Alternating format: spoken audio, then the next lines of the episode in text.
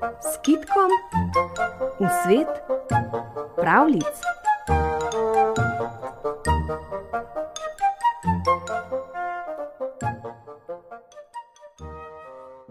Gorobranci pripovedujejo, da je pod menino planino podzemska jama, ki se odpre samo enkrat vsakih sto let in še tole na kresni večer.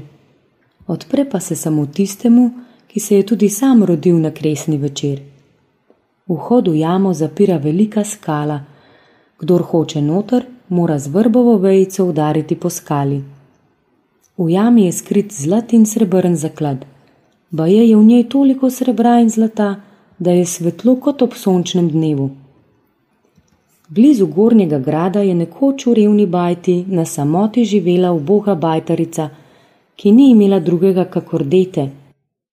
In ker se je ta ženska rodila na kresni večer, je nekega kresnega večera vzela v naročje svojega otroka ter odšla iskat srečo.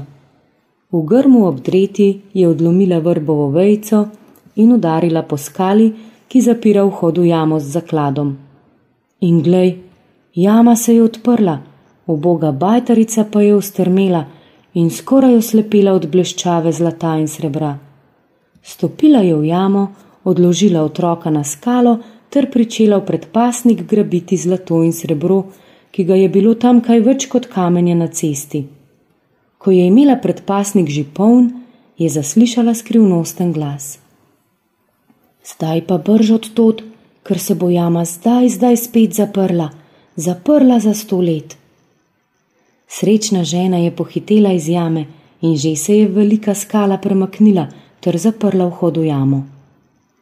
Šele zunaj se je žena spomnila, da je otroka pozabila v jami. Zajokala je in pričela z vrbovo vejico tovči po skali, a vse za manj. Skala se ni premaknila. Uboga mati je jokala in jokala pred zaprto jamo, dokler se je ni usmilila vila iz menine planine. Prišla je k ženi in ji rekla: Čez leto dni ob istem času pridi spet na ta kraj. Jama se odpre le vsakih sto let enkrat, a tebi se bo odprla, če jo boš zalivala s solzami.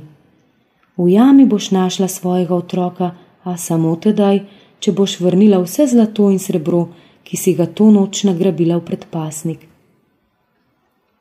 Vila je izginila, bajtarica pa je odšla domov in dan in noč jokala za izgubljenim otrokom. Toliko solz je potočila v dolgem letu, da bi z njimi lahko umila vso pečino. Ob letu je na kresni večer spet odšla k pečini. Zajokala je tako presunljivo, da se je je še kamen usmilil. Skala se je odmaknila in mati je planila v jamo, stresla iz predpasnika srebro in zlato, domov pa odnesla speče dete.